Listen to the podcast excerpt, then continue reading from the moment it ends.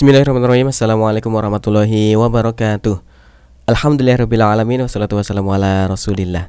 Sahabat Quran di mana pun Anda berada Senang sekali masih bersama saya Ahmad Heru Di Majelis Takon, Majelis Tanya Jawab Dan konsultasi bersama Syekh Abdul Qadir bin Abdul Aziz.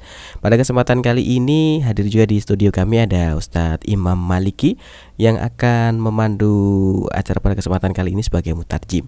Dan buat sahabat Quran yang ingin bertanya nih sahabat Quran tentang dunia keislaman silahkan sahabat Quran bisa bertanya melalui SMS, WhatsApp ataupun Telegram kami di 081 229888614. Dan pertanyaan pada kesempatan kali ini yaitu tentang apa pendapat yang roji dalam masalah bersedekap setelah bangkit dari ruku. Bagaimana pembahasannya? Langsung saja kita persilakan kepada beliau Ustadz Imam Maliki untuk memulai acara majelis takon pada kesempatan kali ini. Silahkan Ustadz. Assalamualaikum warahmatullahi wabarakatuh.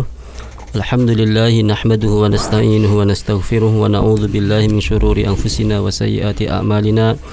May yahdihillahu fala mudilla lahu wa may yudlil fala hadiyalah. Asyhadu an la ilaha illallah wahdahu la syarikalah wa asyhadu anna Muhammadan abduhu wa rasuluhu la nabiyya ba'dah. Alhamdulillah segala puji bagi Allah Subhanahu wa taala yang telah memberikan nikmat iman, Islam, ihsan dan kesehatan kepada kita semuanya. Uh, para pendengar radio Iskarima yang dimuliakan Allah Subhanahu wa taala, insyaallah pada kesempatan uh, kali ini kita akan melanjutkan bab tentang tanya jawab bersama beliau Syekhuna Syekh Isam Abdul Qadir. Pada kesempatan kali ini pertanyaan masuk kepada kami yaitu apa pendapat yang rojih dalam masalah bersedekap setelah bangkit dari ruku yakni ma ra'yur rajih an halil yad ba'da ruku hakada syekh. Uh, tafadhal ala syekhuna syekh Isam Abdul Qadir. Assalamualaikum warahmatullahi wabarakatuh. Waalaikumsalam warahmatullahi Bismillahirrahmanirrahim. الحمد لله رب العالمين والصلاة والسلام على أشرف الخلق وأطهرهم وأزكاهم محمد بن عبد الله صلى الله عليه وسلم. الرحمة المهداة والنعمة المستاه والسراج المنير البشير النذير. اللهم أحينا على سنته وأمتنا على ملته وارزقنا شفاعته وأرفقنا صحبته في الفردوس الأعلى. ومتعنا بلذة النظر إلى وجهك الكريم. اللهم أمين يا رب العالمين. اللهم سلمني وسلم مني اللهم سلمني وسلم مني اللهم سلمني وسلم مني أما بعد. وبالنسبة إلى مسألة وضع اليد اليمنى على اليد اليسرى أو إطلاق اليد وهي التي تسمى بإرسال اليد أو وضع اليد اليمنى على اليسرى بعد الركوع في الصلاة وقد اختلف فيها الفقهاء على مذهبين. أما المذهب الأول وهو مذهب الإمام أحمد رضي الله عنه وكذلك ما أفتى به الشيخ ابن باز حيث قال وأفتى به أيضا الشيخ ابن عثيمين حيث قالوا بأنه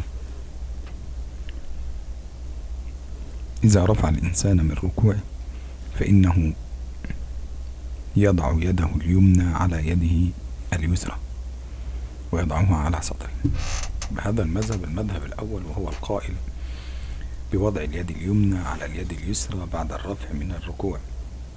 وهذا هو مذهب الإمام أحمد ومذهب أو كما قال أفتى به الشيخ ابن باز في العلماء المعاصرين والشيخ ابن عثيمين وقالوا بوضع اليد اليمنى على اليد اليسرى بعد الرفع من الركوع واستدلوا على ذلك بأدلة نريدها بعد ترجمتكم إن شاء الله.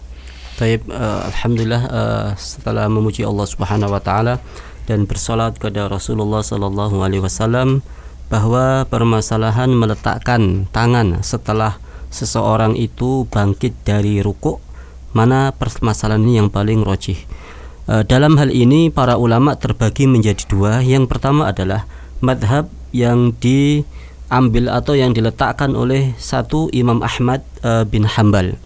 Dan ini diikuti oleh Syekh bin Bas. Ya ulama uh, apa namanya al-muassirin pada tahun-tahun uh, ini. Kemudian juga uh, beliau adalah Syekh uh, Utsaimin ya. Berpendapat bahwa uh, mereka mengatakan idza rafa'ahu idza rafa'a au uh, yakni rafa al-yad ya ba'da ruku' wa yada'u uh, dan meletakkan uh, yadil yumna ala yadil yusra ya. Tangan kanan di atas tangan kiri fauqa sadrihi di atas dadanya. Artinya pendapat pertama ini adalah madhab Imam Ahmad bin Hambal. Jadi ketika habis rukuk orang itu bangkit, kemudian tangannya itu semula seperti ketika dia sebelum uh, rukuk. اختار هذا المذهب بعض فقهاء الحنفية لكنهم اختلفوا مع الإمام أحمد في وضع اليد فقط يعني بعض الحنفية وليس كل الحنفية لكنهم اختلفوا مع الإمام أحمد آه، في هذا الأمر. وكذلك اختاره أيضا ابن حجر الهيتمي من الشافعي واختلف مع الإمام أحمد في وضع اليد بعد الركوع. ما معنى هذا الكلام؟ أما الحنفية فإنهم اختلفوا مع الإمام أحمد في مسألة وضع اليد فالإمام أحمد يضع اليد على الصدر مباشرة. هكذا. أما ابن حجر الهيتمي وهو الذي من فقهاء الشافعية فإنه قد اختلف مع الإمام أحمد في وضع اليد فقال توضع اليد على الصدر باتجاه القلب في الناحية اليسرى. توضع اليد فوق القلب. اليد اليسرى توضع فوق القلب ثم تضم إليها اليد اليمنى لأن هذا هو مذهب الشافعية في وضع اليد على على في وضع اليد اليمنى على الصدر يبقى إذا عنده توضع اليد فوق القلب. هذا ابن حجر الهيتمي من الشافعية. توضع اليد. وحنفية إذن. صبر جميل. لا تعجلني. فهنا بالنسبة إلى ابن حجر الهيتمي يضعها نعم. فوق القلب ويضع اليد على نعم. أما الحنفية الذين اتفقوا مع الإمام أحمد على وضع اليد بعد الركوع فإن وضع اليد عندهم يكون تحت السرة أو فوق السرة. يبقى إذا هم مختلفون في كيفية وضع اليد لكن متفقون على أن الإنسان يضع يده اليمنى على يده اليسرى بعد الرفع من الركوع لكن اختلفوا فيما بينهم في الطريقة. فالإمام أحمد فوق الصدر مباشرة ابن حجر الهيتمي من الشافعية يكون عند الصدر لكن فوق القلب توضع اليد اليسرى وتكون اليد اليمنى فوقها. أما الحنفية فإن اليد تكون تحت السرة. إذن هذا بعد الركوع مباشرة. بعد الركوع سواء قبل الركوع أو بعد الركوع لأن. الأحاديث عندهم عامة والأدلة ستكون واضحة هكذا. طيب إن شاء الله. الله. Alhamdulillah eh, Kemudian eh, yang kedua adalah bahwa masih madhab yang pertama ya. Bahwa madhab yang pertama ini ada sebagian ba'du Hanafiyah ya. Sebagian eh, pendapat atau eh, pengikut daripada Hanafiyah ya. Juga sebagian dari pengikut eh, Ibnu Hajar Al Haytami ya. Ini madhab eh, Imam Syafi'i yang terbesar di negeri kita ini ya. Itu juga meletakkan setelah ru- rukuk mereka meletakkan tangannya itu di atas dada eh, seperti pendapat yang pertama tadi ya. cuma ada perbedaan ketika meletakkan tangan itu kalau menurut pendapat Imam Ibnu Hajar Al Haytami yang ini adalah madhabnya Syafi'i maka ketika mereka bangkit dari rukuk ya kemudian sami Allahu liman hamidah dan meletakkan tangan langsung eh, tetapi eh, apa namanya posisi telapak tangan itu berada di sebelah dada sebelah kiri ya. Jadi seperti apa namanya di atas kolab ya. Di atas hati. Jadi tidak lurus di tengah-tengah dada tetapi agak ke kiri menceng sedikit ya. Ini ya, ini adalah pendapat eh, Imam Asy-Syafi'i atau yang diambil oleh eh, Ibnu Hajar Al-Haytami Kemudian sebagian pendapat eh, pengikut Hanafiyah atau Imam Abu Hanifah itu sama setelah rukuk mereka juga meletakkan tangan kiri kemudian di atasnya adalah tangan kanan. Cuma ini lebih kepada tahta surah. Tahta surah itu berarti di bawah pusar gitu ya. Jadi kalau kita melihat ada yang sholat kemudian setelah sami Allahu liman hamidah kemudian sedekap kembali tetapi tangannya kok posisinya ya di bawah pusarnya ya, jadi eh, tangan kiri di bawah pusar kemudian di atasnya ada tangan kanan ini berarti eh, mereka ini mengikuti pendapat eh, sebagian daripada Imam Abu Abu Hanifah وهذه هي مذاهب الفقهاء في هذه المسألة حقيقة من الأول يعني من قبل الركوع سواء كان قبل الركوع أو بعد الركوع فهذه هي المذاهب أو آراء هذه المذاهب في هذه المسألة أو في وضع اليد نعم. أما إن كان من بعد الركوع يعني ما كان بعد الركوع فإنه نعم. يكون مثل قبل الركوع Ya. طيب ما دليلكم على هذا قالوا دليلنا على هذا ما رواه البخاري في صحيحه عن سهل بن سعد الساعدي رضي الله عنه قال ما رواه البخاري في صحيحه عن سهل بن سعد الساعدي رضي الله عنه قال كان الناس على عهد رسول الله صلى الله عليه وسلم يؤمرون كان الناس على عهد رسول الله صلى الله عليه وسلم يؤمرون. وفي رواية أخرى كان الناس على عهد رسول الله صلى الله عليه وسلم يؤمر الرجل فيهم أن يضع يؤمر الرجل فيهم أن يضع يده اليمنى على ذراعه اليسرى. كان الرجل أو كان الناس على عهد رسول الله صلى الله عليه وسلم يؤمر الرجل فيهم أن يضع يده اليمنى على ذراعه اليسرى طيب ما هو الدليل هنا؟ قالوا الدليل هنا عام. الدليل عام. ولا يوجد دليل أصلا يقول يعني لا يوجد دليل يقول بإرسال اليد بعد الركوع. نعم نعم. لا يوجد شيء. لا يوجد شيء يدل على الإرسال. وبالتالي الدليل عام فكان واضحا في قبل الركوع وكان بعد الركوع. فعلى الإنسان أن يفعل ما فعله النبي صلى الله عليه وسلم. كان فعله أنه يضع يده هكذا طب معكم دليل؟ يعني يوضح لنا هذا الأمر ويكون أكثر من ذلك. قالوا آه عندنا دليل. ما هو دليلكم؟ قالوا ما جاء في حديث أنس بن مالك رضي الله عنه الذي رواه البخاري أيضا. جاء في حديث أنس بن مالك رضي الله عنه أن رسول الله صلى الله عليه وسلم كان إذا رفع من ركوعه كان إذا رفع من ركوعه وضع يده وضع يده اليمنى على اليسرى حتى نقول أنه أوهم. أو كان إذا كان رسول الله صلى الله عليه وسلم إذا صلى وضع يده اليمنى على يده اليسرى حتى نقول أنه أوهم. ما معنى أوهم؟ يعني ظن أن هذا ليس بعد الركوع.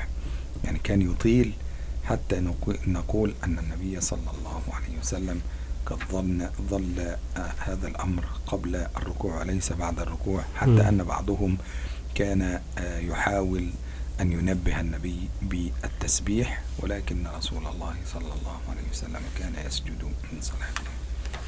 طيب Kemudian uh, ada sebuah riwayat hadis ya, yang diriwayatkan oleh Imam Bukhari di dalam kitabnya Fis Sahih ya bahwa pernah ala ahdin Nabi pernah uh, terjadi pada masa Nabi sallallahu alaihi wasallam beliau menyebutkan yu'maru ar-rajula ya seseorang itu diperintahkan fihim ya artinya mereka itu ya an yadau yadahu yaitu untuk meletakkan tangannya al-yumnah yaitu yang kanan ala dhira'aihi al-yusra di atas pergelangan tangan yang kiri ya.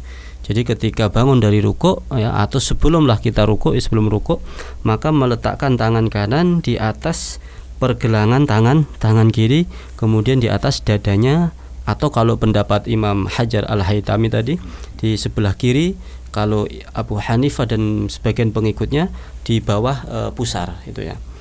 Dan ini kemudian juga diperkuat e, sebuah hadis ya bahwa yang diriwayatkan oleh Anas bin Malik karena ida rafa'a min ruku'ihi sesungguhnya apabila uh, mereka itu para sahabat para nabi idza rafa'a min ruku'ihi apabila bangkit dari rukuknya wada'a yadahu al-yumna maka mereka meletakkan tangan kanannya ala yadil yusra di atas pergelangan tangan kirinya hatta yakuna uhim kata Syekh حتى نظن أنه أوهم عليه يعني معنى ذلك حتى أن النبي صلى الله عليه وسلم qad nasiya ya. Nah, hatta yadhunnu annahu uhimu ala alaihi.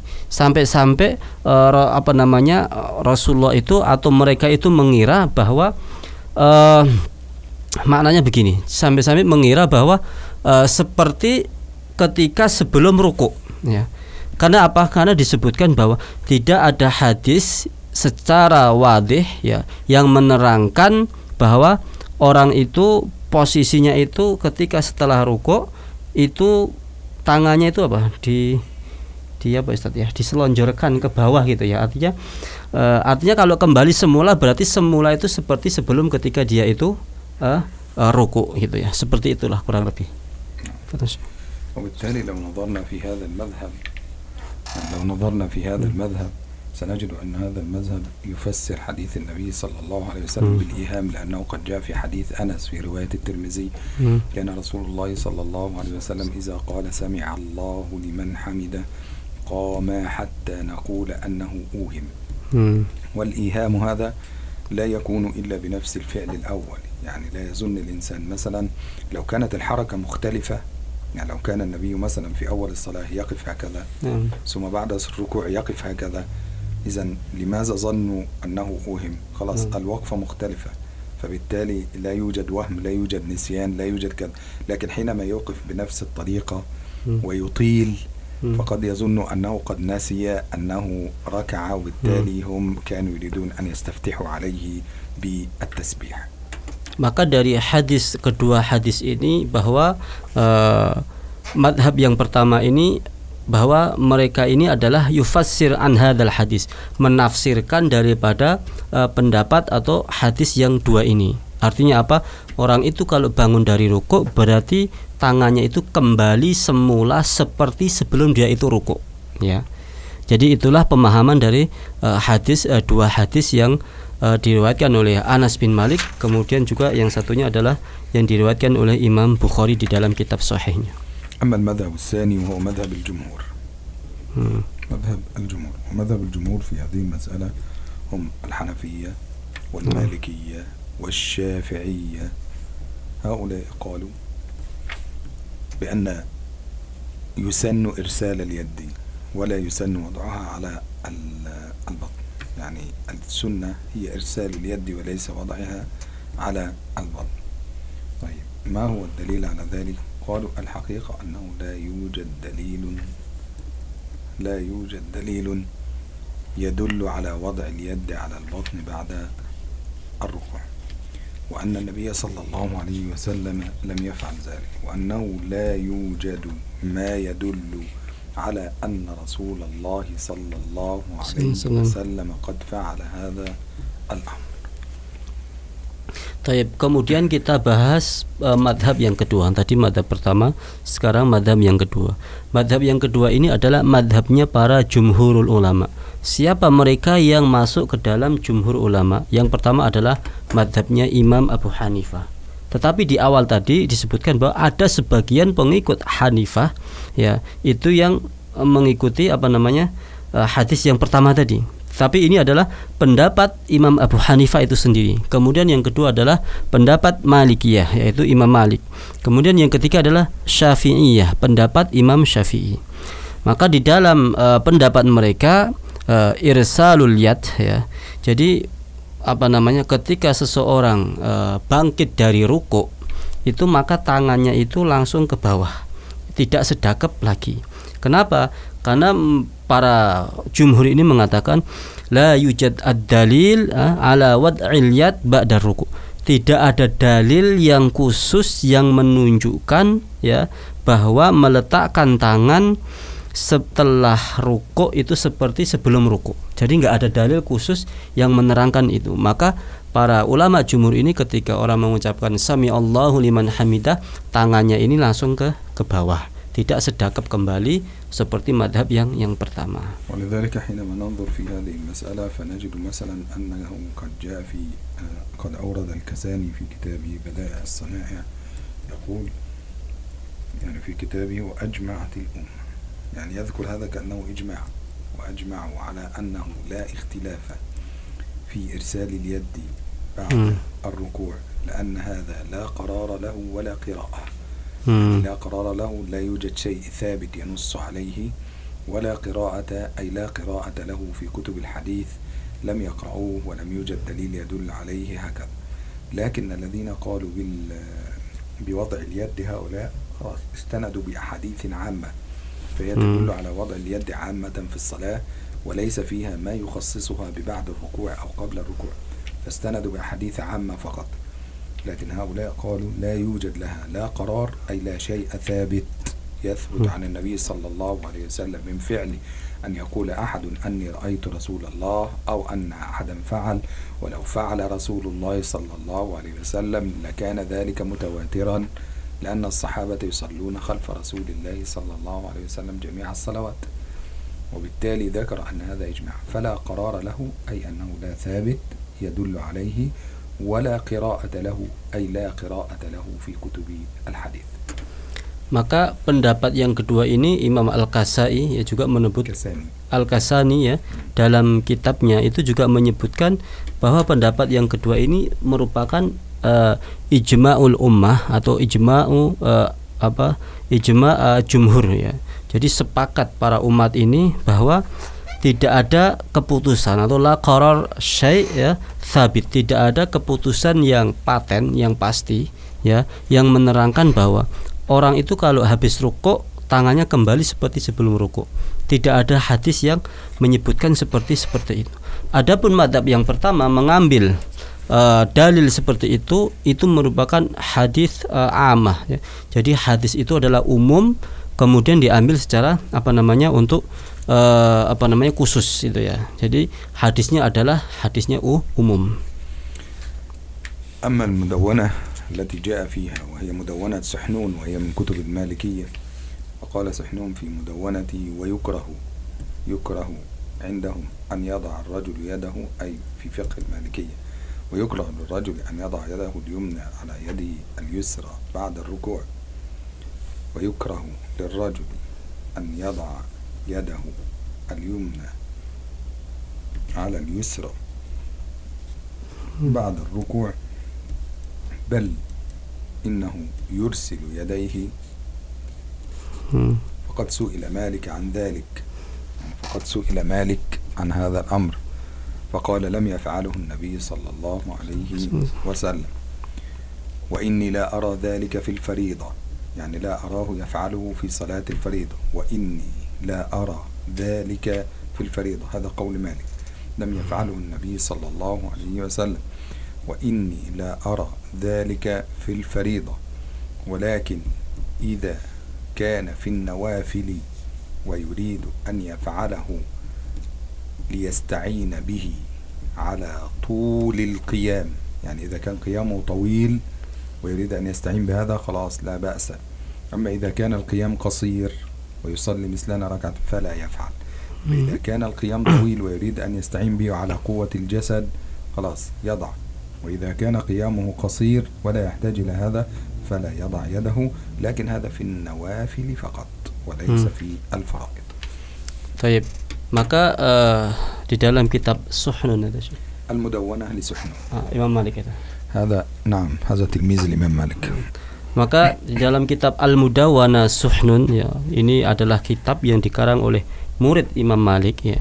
Maka beliau menyebutkan yukrah lirajul ya. Nah. Uh, yukrah itu ya apa? Bahasanya itu apa? Yukrah itu enggak disenangi ya. Atau kurang disenangi ya. Atau dibenci gitu. Lirrajul ayyadha seseorang itu meletakkan ya, yadul yumna tangan yang kanannya alal yusra di atas tangan kirinya ba'dar ruku ya setelah ruku. Bal innahu uh, yursal yadahu ya yursil yadahu. Tetapi hendaklah ia itu apa namanya langsung uh, tangannya itu biasa ya jadi sami Allahu liman hamidah itu langsung diturunkan ke ke bawah. Tidak seperti sebelum ruku. Ini di dalam kitab uh, Al Mudawwanah Suhnun uh, karangan uh, murid termasuk murid Imam Malik. Kemudian Imam Malik juga menyebutkan bahwa iwa innila aro dan saya ini tidak melihat fil faridah di dalam uh, salat-salat fardunya ya fil faridah fi faridati Rasulillah fil faridah salawat nah. al khams yani. di dalam iya, salat nah, di dalam salat lima waktu ya walakin idza kana fin nawafil tetapi boleh dilakukan di dalam salat-salat nawafil atau salat sunnah ya karena apa? Kalau cuma sebentar sami Allahu liman hamidah kemudian kita sujud, maka tidak perlu bersedekap kembali. Tapi kalau lama ya mungkin seseorang ingin sholatnya lama maka tidak tidak mengapa. وقد ذكر الإمام النووي من فقهاء الشافعية ya. قد ذكر الإمام النووي في كتابه المجموع فقال وعليه إذا رفع يديه وعليه إذا رفع من ركوعه أن يقول "بأ- سمع الله لمن حمده ويرفع يديه مع قوله حتى يرفع رأسه يعني نحن نرفع أيدينا كذا بعد الركوع يوجد رفع كذا سمع الله لمن حمده ويرفع يديه بعد رفعه من الركوع حتى يرفع رأسه أي حتى يستوي قائما ثم يحطهما. يحطهما أي يجعلهما بجواره نعم ليس يحطهما. يحطهما أي يرسلهما هكذا مم. وبالتالي قد جاء ذلك أيضا نصا في كتب الشافعية للإمام النووي وعلى مم. هذا فقد أوردنا للمذاهب الثلاثة أقوالا ثلاثة فما جاء في الكساني ما جاء به الكساني في بدائع الصنائع مم. أو ما جاء به سحنون في مدونته أو ما جاء به النووي في المجموع. الكل يجمع على أنه الإرسال وليس وضع اليد اليمنى على اليسرى وكان هذا هو المذهب الثاني. Taib, maka di dalam kitab eh, Majmu Al-Majmu yaitu karangan Imam Syafi'i ya. Bahwa eh, di dalam eh, kitab ini disebutkan bahwa apabila seseorang itu sholat ya maka ketika mengucapkan sami Allahu liman hamidah ya tangannya sejajar dengan pundaknya kemudian kepalanya eh, ke depan melihat ke depan begitu ya tidak ke atas ya maka langsung eh, meletakkan tangannya ini di samping paha kanan dan kiri ya tidak bersedekap kembali. Dan ini di dalam eh, kitab Al-Majmu yaitu Imam Asy-Syafi'i هذا بالنسبة إلى الكتاب الإمام النووي. نعم.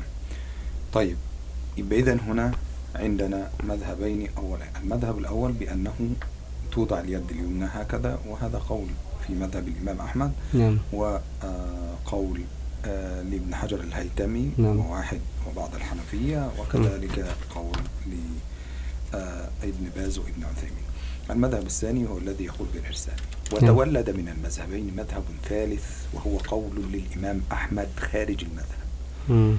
يعني قول الإمام أحمد ليس ليس المذهب نصه لكن هو قول الإمام أحمد نفسه. فقيل سئل الإمام أحمد عن ذلك. يعني الجصاص يقول سئل الإمام أحمد عن ذلك وسئل الإمام أحمد عن ذلك. أو سئل أبو عبد الله عن ذلك. فقال إن شاء وضع وإن شاء أرسل. إن شاء. وضع وإن شاء أرسل. طيب ما دليلك على هذا؟ قال الجمع بين الأدلة. يعني يريد أن يجمع بين الدليل الذي يقول بأن هذا الحديث آه، بأن هذه الحديث معمول بها بأدلة المذهب الأول نعم. ويجمع بين أقوال المذهب الثاني فيكون جمع بين الرأيين فإن شاء آه، وضع يده وإن شاء آه، ترك يده. والله سبحانه وتعالى أعلى وأعلم. Taib, eh, sebelum penutup bahwa kemudian eh, kita review jelaskan kembali bahwa eh, madhab pertama adalah madhab yang dibangun ya, di antaranya adalah eh, Imam Ahmad bin Hambal kemudian juga eh, ulama eh, Syekh bin Bas eh, Syekh Usaimin bahwa eh, seseorang ketika habis bangun dari ruko maka meletakkan tangannya kembali sedakap seperti sebelum dia ruko Kemudian yang kedua adalah madhab uh, jumhur para ulama di antaranya adalah Imam Abu Hanifah, kemudian Malikiyah, kemudian Syafi'iyah. Uh, ketika seseorang itu bangun dari ruko, uh, maka tidak meletakkan tangan telapak tangan atau tangannya kembali seperti sebelum sebelum ruko. Artinya meletakkan ke bawah di samping paha kanan dan kiri. Kemudian dari kedua madhab ini maka eh, Imam Ahmad yaitu kharijul madhab jadi keluar dari eh, apa namanya madhab dua ini maka beliau sendiri pernah mengucapkan me- apa namanya memberikan satu teman ketika di- ditanya oleh eh, muridnya maka beliau mengatakan insya'a wada'ahu wa insya'a arsal ya. apabila eh, saya ini mau maka saya letakkan di eh, setelah ruku saya akan letakkan tangan saya seperti sebelum ruku. Tetapi kalau saya juga mau maka saya akan apa namanya eh, letakkan langsung turun turun ke bawah tidak bersedekap kembali. Inilah eh, pendapat eh, apa namanya beberapa ulama tentang hal ini. Maka kita sebagai orang yang menuntut ilmu boleh memilih ya. Mana yang kita inginkan mana yang kita mantepi ya. Insya Allah semuanya mantep ya. Semuanya berdasarkan dalil ya dan semuanya adalah pendapat para ulama ya. Jazakumullahu khairan kathiran. Mudah-mudahan Allah subhanahu wa ta'ala Selalu menjaga kita dari ketersesatan Dan Allah subhanahu wa ta'ala Selalu membimbing kita kepada jalan yang diridhoinya. Jazakumullah. Assalamualaikum warahmatullahi wabarakatuh Waalaikumsalam warahmatullahi wabarakatuh. Sebetulnya di mana pun Anda berada Demikian tadi pembahasan tentang Majelis Takon yang pada kesempatan kali ini membahas tentang Apa pendapat yang roji dalam masalah bersedekap setelah bangkit dari ruku.